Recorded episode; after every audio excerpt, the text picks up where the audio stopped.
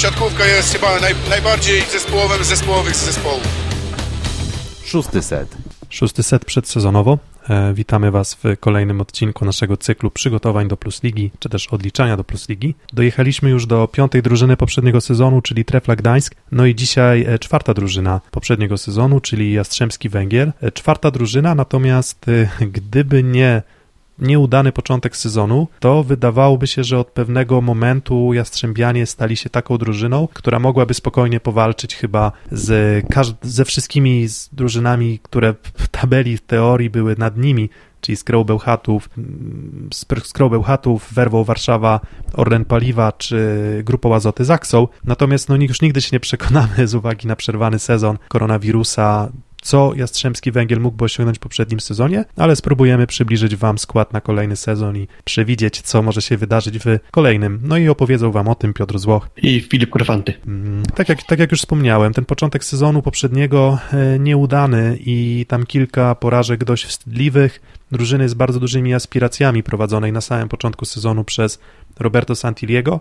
Roberto Santilli po tych kilku kolejkach został wyrzucony z klubu, a czy też zrezygnował, trudno powiedzieć, zawsze te, te decyzje są pewnie gdzieś pomiędzy wolą trenera a wolą zarządu. W jego miejsce Slobodan Kowacz, no i on doprowadził drużynę do, no do, do czwartego miejsca w tabeli, no i do kilku bardzo dobrych występów i no, wspaniałych meczów w Lidze Mistrzów punkty szczególnie do zapamiętania, no to dwie wygrane z Zenitem Kazań w fazie grupowej Ligi Mistrzów, no i kto wie, jakby się to potoczyło, gdyby przyszło im rywalizować z Trentino, chociaż, chociaż no, rywal y, no, też niełatwy, ale skoro udało się z Zenitem, no to może i z Trentino by się udało, ale tego się nie dowiemy, tak samo jak nie dowiemy się, co byłoby, gdyby rozegrano playoffy, ale rzeczywiście końcówka sezonu w w wykonaniu Jastrzębskiego Węgla już napawała dużymi nadziejami kibiców tego klubu. Tak i no i też y, przed poprzednim sezonem wydawało się, że no drużyna kompletna. Pamiętam zresztą, że ty i Kuba w nagraniach przed poprzednim sezonem wskazywaliście Węgiel jako waszego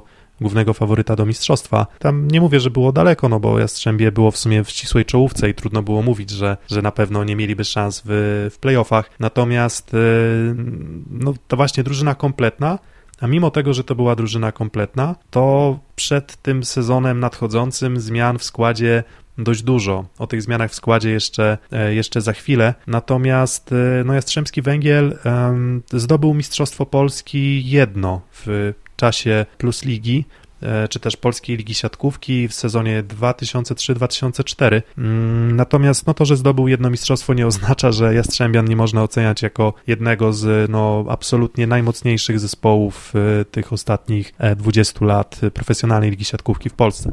Tak, chociaż jeśli wziąć pod uwagę jakieś puchary, które by się dało włożyć do gabloty, to tam jest dość krucho, bo oprócz tego Mistrzostwa Polski jeszcze pojawia się inne wygrane trofeum, czyli Puchar Polski w 2010 roku, a Później już czegoś z kruszca złotego już tam nie uświadczymy, ale, ale medali jest mnóstwo, bo, bo są choćby trzy srebrne mm, medale plus digi, e, w sumie jakieś sześć chyba, czy osiem nawet medali, dokładnie nie, nie pamiętam, ale około ośmiu brązowych medali. Mm, też medal Ligi Mistrzów chociażby w 2014 roku z Lorenzo Bernardim w Ankarze ograny swoją drogą Zenit Kazań.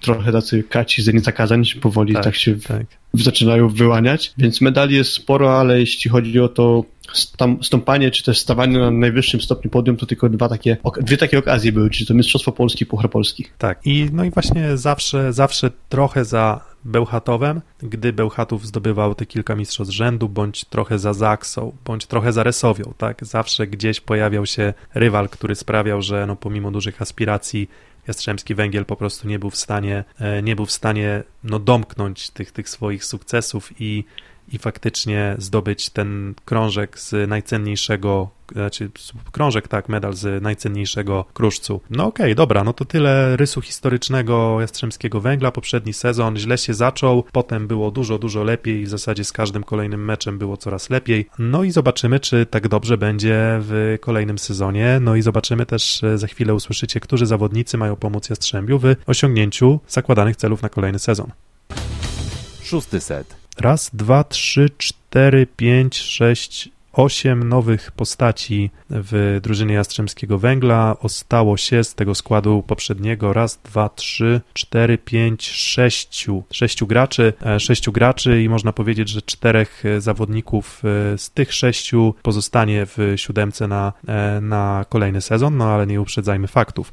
Zacznijmy może od pozycji przyjmującego, odejścia. Julien Linel, targany kontuzjami w poprzednim sezonie, jak na ten moment jeszcze nie udało mu się znaleźć żadnego klubu, chyba że coś wiesz więcej? Mm, jakieś parę tygodni temu była krótka wzmianka o nim we francuskim L'Equipe, że bardzo możliwe, że on poczeka do drugiej części sezonu leżenia klubu. On stwierdził, że mu pozwoli to lepiej przygotować się do Igrzysk Olimpijskich, a na razie wygląda, że klubu faktycznie nie znalazł. No właśnie, on w zeszłym sezonie w zasadzie przez no, większość, większość okresu, powiedzmy, większość sezonu poprzedniego Julien Linel spędził w sumie za bandami, e, właśnie lecząc kontuzję. Dominik Depowski w zeszłym sezonie, no pewnie nominalny, byłby to czwarty przyjmujący, gdyby nie fakt, że właśnie Julien Linel miał e, dość często kontuzję, no i on w sumie nawet dość dużo pograł i on będzie szukał swoich szans w Aluronie, CMC, Warcie, Zawiercie. No i z takich podstawowych przyjmujących, z tych, to akurat Christian From grał najwięcej, e, razem z Tomaszem Fornalem w parze w zeszłym sezonie, no i on trafia do Grecji, do Olympiakosu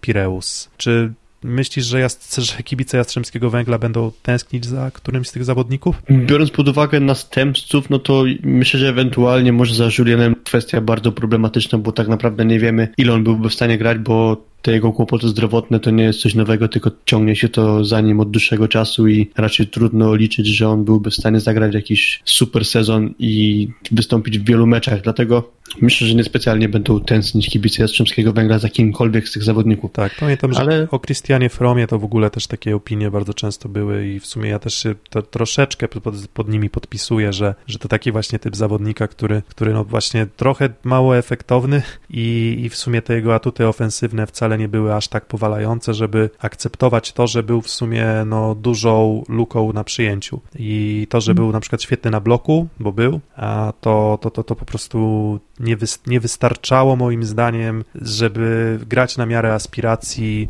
e, Jastrzębskiego Węgla. No i właśnie zapadła decyzja, że pojawiły się nowe nazwiska, czyli mamy trzy nowe nazwiska e, w składzie Jastrzębskiego Węgla na przyjęciu, e, zaczynając od nazwiska z zagranicy. Yasin Luati w zeszłym sezonie w, we włoskiej Monzie. To jest, mhm. to jest reprezentant Francji. Czyli... Tak, reprezentant Francji dał się pozytywnie poznać z roli trochę zmiennika, czy właściwie takiego zawodnika, który coraz mocniej się tam rozpycha w kadrze Francji, bo to była jasna postać kadry na kwalifikacjach do y, Igrzysk Olimpijskich, tych styczniowych. Tam Luati się z dobrej strony pokazał i to zwłaszcza e, w zagrywce. Mm, z Francji wyjechał jakieś 3 lata temu, czyli dwa sezony spędził już we Włoszech, najpierw w, e, w Padwie, bardzo dobry sezon i kolejny w Mondzie, również bardzo udane rozgrywki. Zawodnik o mocnej zagrywce, e, dobry w przyjęciu, trochę gorszy e, w ataku. I to nawet dobrze widać w sumie w statystykach i nawet na przestrzeni tych dwóch sezonów we Włoszech on znacznie widać wzmocnił zagrywkę, przynajmniej jeśli popatrzymy na asy serwisowe. w Mondzie grał z Bartkiem Kurkiem i z Javoronokiem i był trzecią opcją w ataku, więc można powiedzieć, że to raczej zawodnik zawodnik, który y, no, nie jest jego atutem atak. No i coś, co też jest powiedzmy jego charakterystyką, na którą warto zwrócić uwagę, jest powiedzmy istotne, no to to już jest zawodnik, który ma 28 lat, więc to nie mówimy to, że on tam, wiesz, spędził dwa sezony we Włoszech, to może ktoś to źle zrozumiał, to nie znaczy, że to jest młody talent z Francji, który bardzo szybko po, poszedł do Włoch i nie ma 23-4 lata, to on już jest raczej ukształtowanym zawodnikiem, raczej nie powinno być żadnej rewolucji ani w stylu jego gry, ani w poziomie gry, więc tak jak mówisz, raczej te aspekty defensywne. Mm, druga postać, tutaj myślę bardzo ciekawa i dużo sobie obiecują po nim e, władze klubu i, i trener Luke Reynolds, e, to Rafał Szymura w zeszłym sezonie GKS Katowice, dwa lata wstecz Zaksa Kędzierzyn-Koźle, no i on w GKS Katowice no, udźwignął rolę lidera. Mm, tak, udźwignął rolę lidera, mówiliśmy o nim sporo właśnie w odcinku poświęconym GKS-owi Katowice. Mm, kiedyś już w takim klubie o takiej randze w Plus Lidze występował, wspomniałeś o Zaksie, ale sądzę, że będzie tutaj może miał trochę więcej szans gry niż w Kędzierzynie, chociaż rywalizacja na pewno będzie trudna, bo obok niego jeszcze jest Tomasz Fornal, no i jak w tej trójce Luati, e, w Fornal odnajdzie się Rafał Szymura. Mm, sądzę, że niekoniecznie musi być tu żelazną postacią Jastrzębskiego Węgla, ale uważam, że za solidne wzmocnienie po prostu. Tak, myślę, że właśnie ta para też e, zawodników i Szymura i Fornal powinni być jeszcze lepsi, tak, że, że, że, że oni powinni e, z uwagi też na swój wiek progre, progresować. No i na pewno też progresować będzie Michał Gierżot. Jest to wychowanek Akademii Jastrzębskiego Węgla. W zeszłym sezonie już miał okazję grać w pierwszej lidze w SMS-ie Spała. No i tutaj znowu odwołamy się Pre-Zero Grand Prix a, i on prezentował się, z, no Jastrzębski Węgiel w ogóle wygrał cały ten turniej, tak, więc no jakby pewnie zbudowali trochę pewności siebie w całej drużynie, trochę pozytywnej energii wlało to,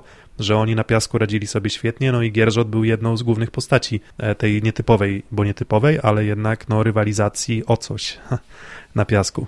Zgadza się i oprócz tego, że już na tym piasku nam się zaprezentował, no to jeśli ktoś śledził pierwszą ligę, no to miał okazję obserwować go w barwach SMS-u Spała, gdzie był właściwie podstawowym zawodnikiem i, i, z dobrej strony się prezentował, także no, może nie mieć wielu szans na grę, ale sądzę, że to bardzo obiecujący zawodnik. Tak, i myślę, że wbrew pozorom wcale nie jest powiedziane, że on nie będzie raz na jakiś czas otrzymywał e, szansy e, na grę, nawet pomimo tego, że jest trzech przyjmujących, którzy no też mają, ostrzą sobie zęby na pierwszy skład. Również nowy atakujący, no i tutaj też rewolucja, no bo Dawid Konarski po, po jakimś tam czasie spędzonym w Jastrzębskim Węglu najpierw próbował dostać się do Korei, a nie udało się, on finalnie wylądował w Cerradzie i Czarnych Radom.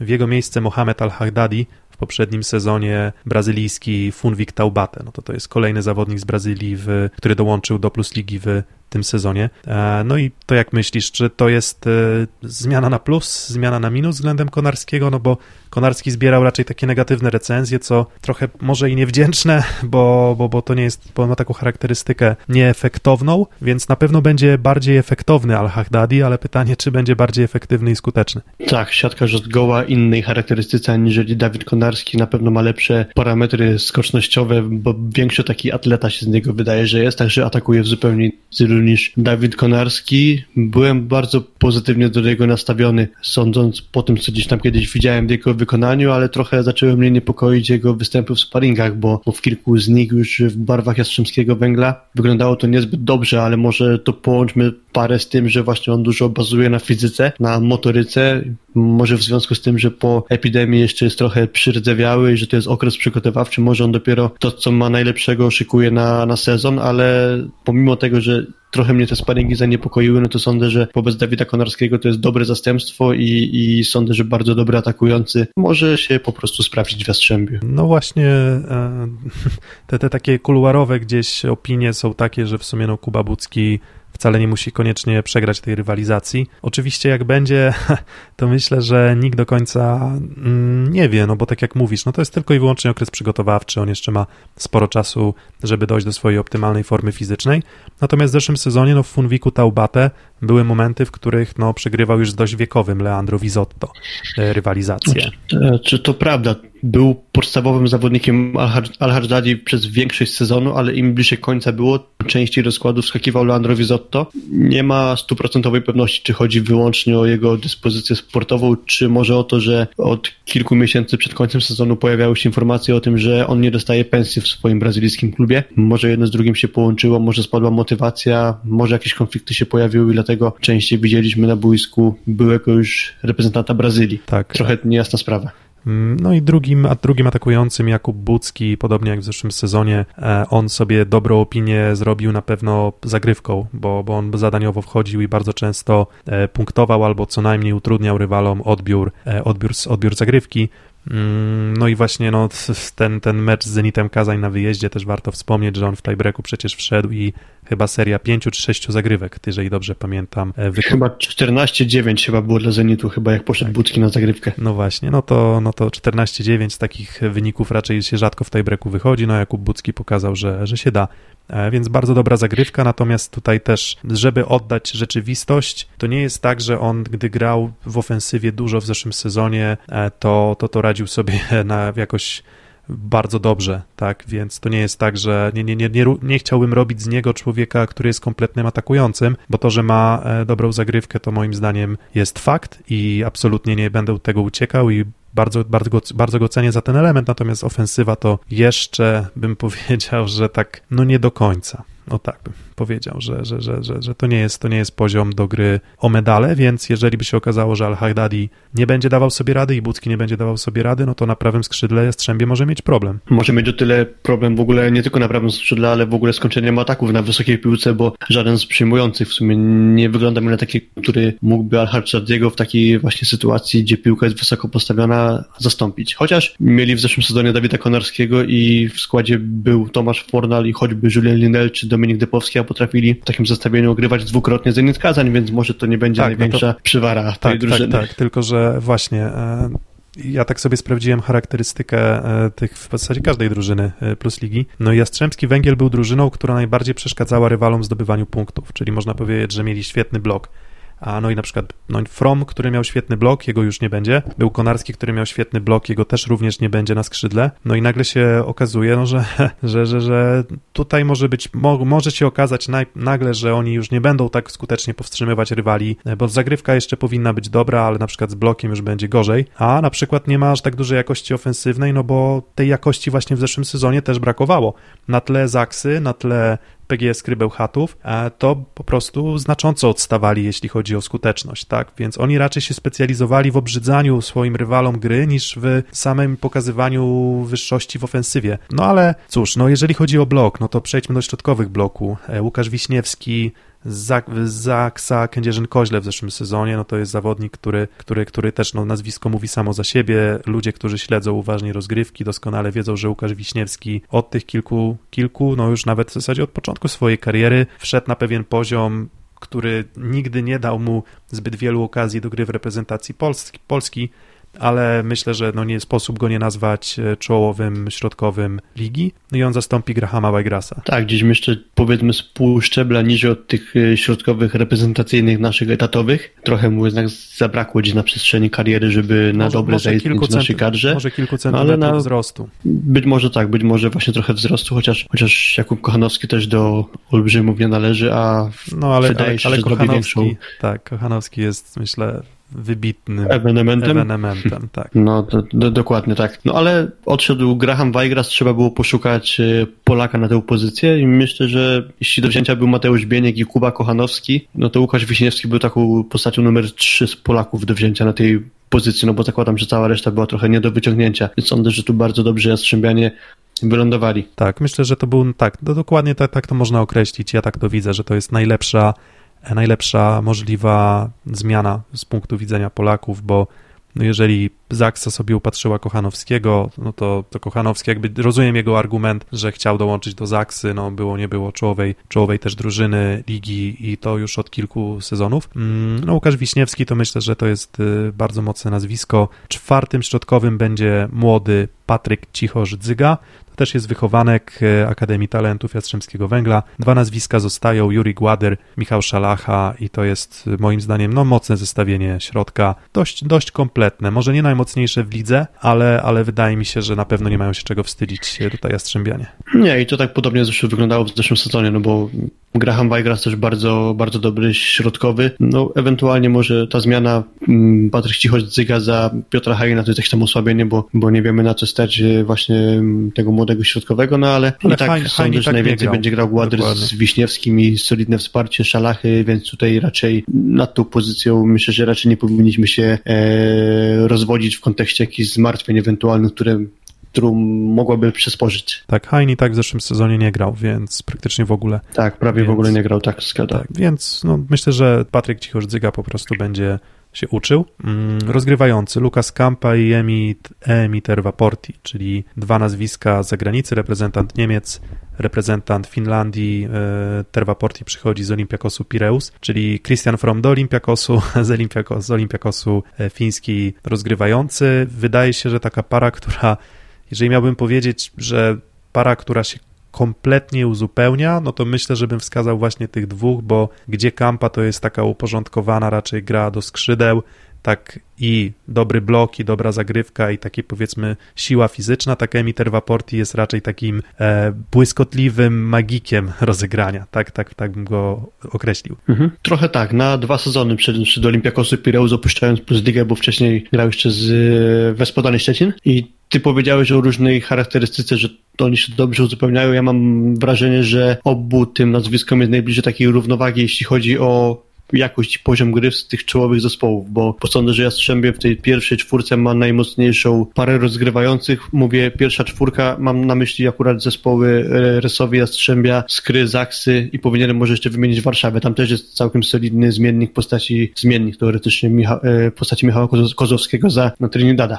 A jeśli chodzi o te pary w skrze Zachsie, czyli mm, Łomacz i Mitic, tam jest duży rozstrzał, jeśli chodzi o poziom moim zdaniem. Tak samo bardzo duży w Zachsie Doniutti e, Prokopczuk i tak. trochę większy rozstrzał w Resowi, czyli Drzyzga Paweł Wojcki. Tak, um, no zgadzam się, więc e, no ciekaw jestem, czy czy, czy też które zestawienie będzie tym optymalnym. No Lukas Kampa od kilku sezonów e, w Jastrzębiu, no ewidentny, też lider zespołu, taki też mentalny, natomiast no ja jakbym miał tak brutalnie szczerze oceniać jego, jego postawę zeszłosezonową, to przynajmniej ten początek sezonu był był, był słaby w wykonaniu kampy. No to jest też zawodnik, który raczej lepiej się czuje w rozegraniu do skrzydeł niż na środku. Zawsze miałem takie, e, takie poczucie i biorąc to pod uwagę, jeżeli te skrzydła, o których mówimy, nie są aż tak mocne i kampa woli grać raczej do skrzydeł, no to nawet no nie wiadomo do końca, jakie będzie przyjęcie, ale no nie będzie mógł do końca korygować skuteczności swojego zespołu kampa, na przykład częstszą grą przez środek, bo po prostu za tym nie przepada. No być może, być może mnie zaskoczy, ale, ale tak, tak, tak, taką widzę jego, charakterystykę. Mm. Jak będzie trzeba polotu i finezji, wejdzie e, przybysz z Finlandii i, i, zrobi tam wiatrach tak, jak będzie trzeba. Też wydaje mi się, że taka solidna jakby podpora dla Lukasa Kampy była wymuszona tym, że on niedawno przeszedł operację barku i, tak, i, tak, tak. i jakby woleli się Jastrzębianie zabezpieczyć. Być może to jest też jakieś wytłumaczenie jego słabszej postawy w zeszłym sezonie. Tak, natomiast, natomiast, Kampa, tak, natomiast Kampa jest zdrowy i on już w sparingach e, normalnie e, występuje. E, libero Jakub Popiwczak, Szymon Biniek, to tak jak w przypadku Olsztyna mówiłem, że Gruszczyński to taki numer 4 w Polsce, to Jakub Popiwczak to taka silna trujeczka. Paweł Zatorski, Damian Wojtaszek i właśnie Jakub Popiwczak. No, myślę, że, że, że potencjał ma na no, poziom światowy. Tak, tak, tak, tak widzę e, Jakuba Popiwczaka. No i też, co jest bardzo ciekawe, że on już w Jastrzębskim Węglu, z uwagi na to, że on w sumie chyba w wieku 16 lat tam debiutował, jeżeli dobrze pamiętam, to on już te ładne kilka sezonów w Jastrzębiu, e, w Jastrzębiu występuje, tak, żeby, żebym się nie pomylił. E, od 2012 roku, tak, czyli on już wtedy faktycznie 16 lat miał, gdy debiutował, więc już 8 lat w Jastrzębiu, no i powoli taka wiesz, niby 24 lata, a legenda klubu się robi. 8 lat w Jastrzębiu, to tyle samo co Łukasz Wiśniewski w Zachsie, bo on tam trafił w 2012 roku. No właśnie i, i tak w sumie niepostrzeżenie się to, to wszystko wydarzyło, no i bardzo jestem też ciekaw, czy ten Popiwczak stanie się takim Mariuszem Wlazłym trochę Jastrzęb, e, Mariuszem Wlazłym dla PGS Krybełchatów to Popiwczak właśnie, może nie jeżeli chodzi o zdobywanie punktów z oczywistych względów, ale bardziej o lojalność i, i o i o, i o sukcesy. No trudno mi, trudno mi powiedzieć, natomiast uważam, że to jest bardzo, bardzo dobry libero i to jest ścisła czołówka krajowa. No i Szymon Biniek, KPS Siedlce, to myślę, że jest e, no, do treningów zawodnik. Myślę, że on raczej zbyt dużo okazji. Trochę podobnej roli jak Szymon Gregorowicz w ubiegłym, e, przepraszam, Paweł Rusek w ubiegłym sezonie, e, czyli no, nie za wiele na boisku, po prostu miał okazję się pokazać i pewnie tak będzie też w przypadku Szymona Binka. No i więc poznaliście nazwiska e, nowe, ciekawe, no i najlepszy transfer według ciebie? Jakbyś miał wskazać jedno nazwisko? Mm, myślę, że będzie to Al-Hajjadi, ale trochę swoimi wątpliwościami się wcześniej już podzieliłem. E, Szymura nie sądzę, żeby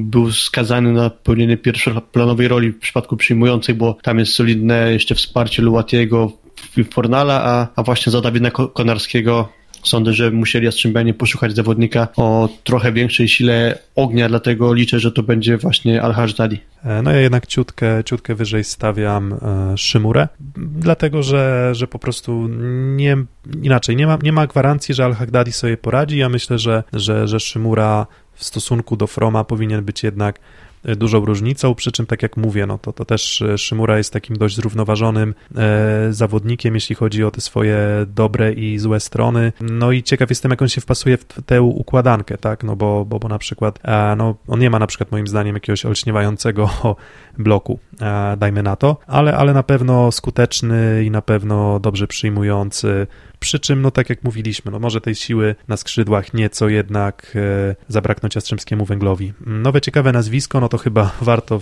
spojrzeć na Gierżota, jeżeli będzie dostawał tak. szansę i się... Mhm. Tak, zgoda. No jakby jego już mieliśmy okazję trochę pooglądać odwrotnie w przypadku Patry Patryka Cichosza, Zygi i no bo jego po prostu ja na przykład nie widziałem jeszcze w akcji. I największa strata? Mm, naszym zdaniem, no to mamy w sumie... Co... Mam ogromne wątpliwości, kogo ja miałbym wskazać, no bo tak, w zasadzie nikt się... są straty w postaci właściwie, nie wiem, Linela, Wajgrasa, Konarskiego. To będzie największą stratą, no to, to jest mi strasznie trudno wyrokować, bo sądzę, że Konarski ma solidnego następcę. Linel też i też niewiele grał, no i Wajgras w postaci Wiśniewskiego też ma solidne zastępstwo, więc... No właśnie, no to ja stawiam, bo tak, bo za całokształt Linel, bo w momencie, gdy był zdrowy, to robił różnicę w Jastrzębiu i uważam, że, że, że jego faktycznie mogłoby zabraknąć, tylko że ja nie patrzę przez pryzmat tylko poprzedniego sezonu. Jeśli miałbym patrzeć przez poprzedni sezon, to może się okazać, że Konarskiego wbrew pozorom trochę Jastrzębianom zabraknie, ale, ale, ale Wajgras, Wajgras wydaje mi się, że, że mimo tego, że grał nie tak dobry sezon jak w Warszawie, no to, to, to, to jest strata, tylko że to nie jest strata, której nie udało się uzupełnić e, nowym zawodnikiem, czyli właśnie Łukaszem Wiśniewskim. Dobra, mm, zmiany za nami, nowi zawodnicy, odejścia za nami. Co jeszcze? No Arturo Iglesias, drugi rozgrywający e, w tym momencie bez klubu. Mm. Wiesz co, mam dla ciebie zagadkę, bo ja się musiałem długo zastanawiać. Dobrze. E, w jakich okolicznościach trafił Arturo Iglesias do Jastrzębskiego Węgla w zeszłym sezonie? Pamiętasz? Tak, to drugim rozgrywającym był Rafael Viniedo A, i okay, skończył, skończył karierę i rozpoczął pracę jako agent. I wtedy... Okay, ja, sobie, ja, sobie, długo nie mogłem przypomnieć, za kogo przyszedł Iglesias, dopiero już w końcu wpadłem, że to przecież o Viniedo chodziło. Tak, no i tak, i, i dobra, no to właśnie taka ciekawostka na koniec i e, przechodzimy do e, naszych przewidywań e, odnośnie kolejnego sezonu. Szósty set. Sezon 2020-2021, nowy Jastrzębski Węgiel, e, nowy trener Luke Reynolds, no i naszym zdaniem Reynolds ułoży to w taki sposób. Kampa, Al-Haddadi, Al-Haddadi, Al-Haddadi, nie wiem do końca jak z wymową, zakładam, że Al-Haddadi, Fornal i Szymura, moim zdaniem Wiśniewski, Gładyr i Popiwczak. Taka będzie siódemka. E, może Luati za Szymurę, może Bucki wygra rywalizację z Al-Hagdadim, natomiast gdybym miał przewidywać to, to raczej e, właśnie takie zestawienie. Tak, a z tego wychodzi druga szóstka Treva Porti, Bucki, Gierżot i Szymura albo Luati, Szalacha, Cichosz, Zyga i Szymon Biniek na libero. No i to wszystko, tak jak wspominałem, będzie próbował poskładać Luke Reynolds, a Luke Reynolds, który w, nie zrobił furory w Berlinie, gdy był trenerem Berlin Recycling. Zgadza się, Luke Reynolds miał już okazję pełnić rolę pierwszego szkoleniowca w swojej karierze to przed Jastrzębiem. Właśnie w sezonie 17-18 on zbudował ten skład i wyglądało to słabo. Posadę stracił w lutym 2018 roku, zastąpił go odkurzony nieco e, Sterian Mokulesku i z tamtą drużyną z Berlina zdobył Mistrzostwo Niemiec, jakby pokonując w finale VB Friedrichshafen prowadzone przez e, Vitala Heinena, więc e, niezbyt pozytywny okres w karierze Reynoldsa, na pewno to zwolnienie w Berlinie. No i uważam w sumie trochę na dosłownie chwilę wracając, może wśród największych strat powinniśmy wymienić Swobodana Kowacza, no który się zasłabia. Tylko, że wybieraliśmy jakby do tej pory zawsze z grona zawodników, więc może zostaniemy przy tej regule, ale, ale na pewno z tej dwójki szkoleniowców zdecydowanie wolałbym właśnie Kowacza. Dlaczego serbski szkoleniowiec nie został? No, on tłumaczył to tym, że e, chciał mieć swój sztab szkoleniowy, a na to mu nie pozwolono w Jastrzębiu. Mm. Oprócz tego tłumaczył, że ponoć e, sporo unikało w umykało w komunikacji w języku angielskim, bo lepiej się czuje pracując w języku włoskim chociażby. No i siłą rzeczy został Luke Reynolds, uważam, że to jest duże ryzyko. Tak, też, te, też, tak, też tak uważam, bo jakby tak, to, to jest trener przygotowania fizycznego przede wszystkim i, i myślę, że też no, pozuje na dobrego motywatora, więc tam widziałem jakieś w tych, tych powiedzmy przygotowaniach przedsezonowych, widziałem kilka takich cytatów z niego w stylu takich właśnie coachów, e, którzy, no, których podchodzę z lekkim dystansem, być może w drużynie sportowej e, jednak gdzieś ta, ta motywacja jest zdecydowanie bardziej istotna. Mm, natomiast no, to jest jakby, jeżeli ta motywacja zadziała i przygotowanie fizyczne, no to to jest tylko jeden element układanki, no a co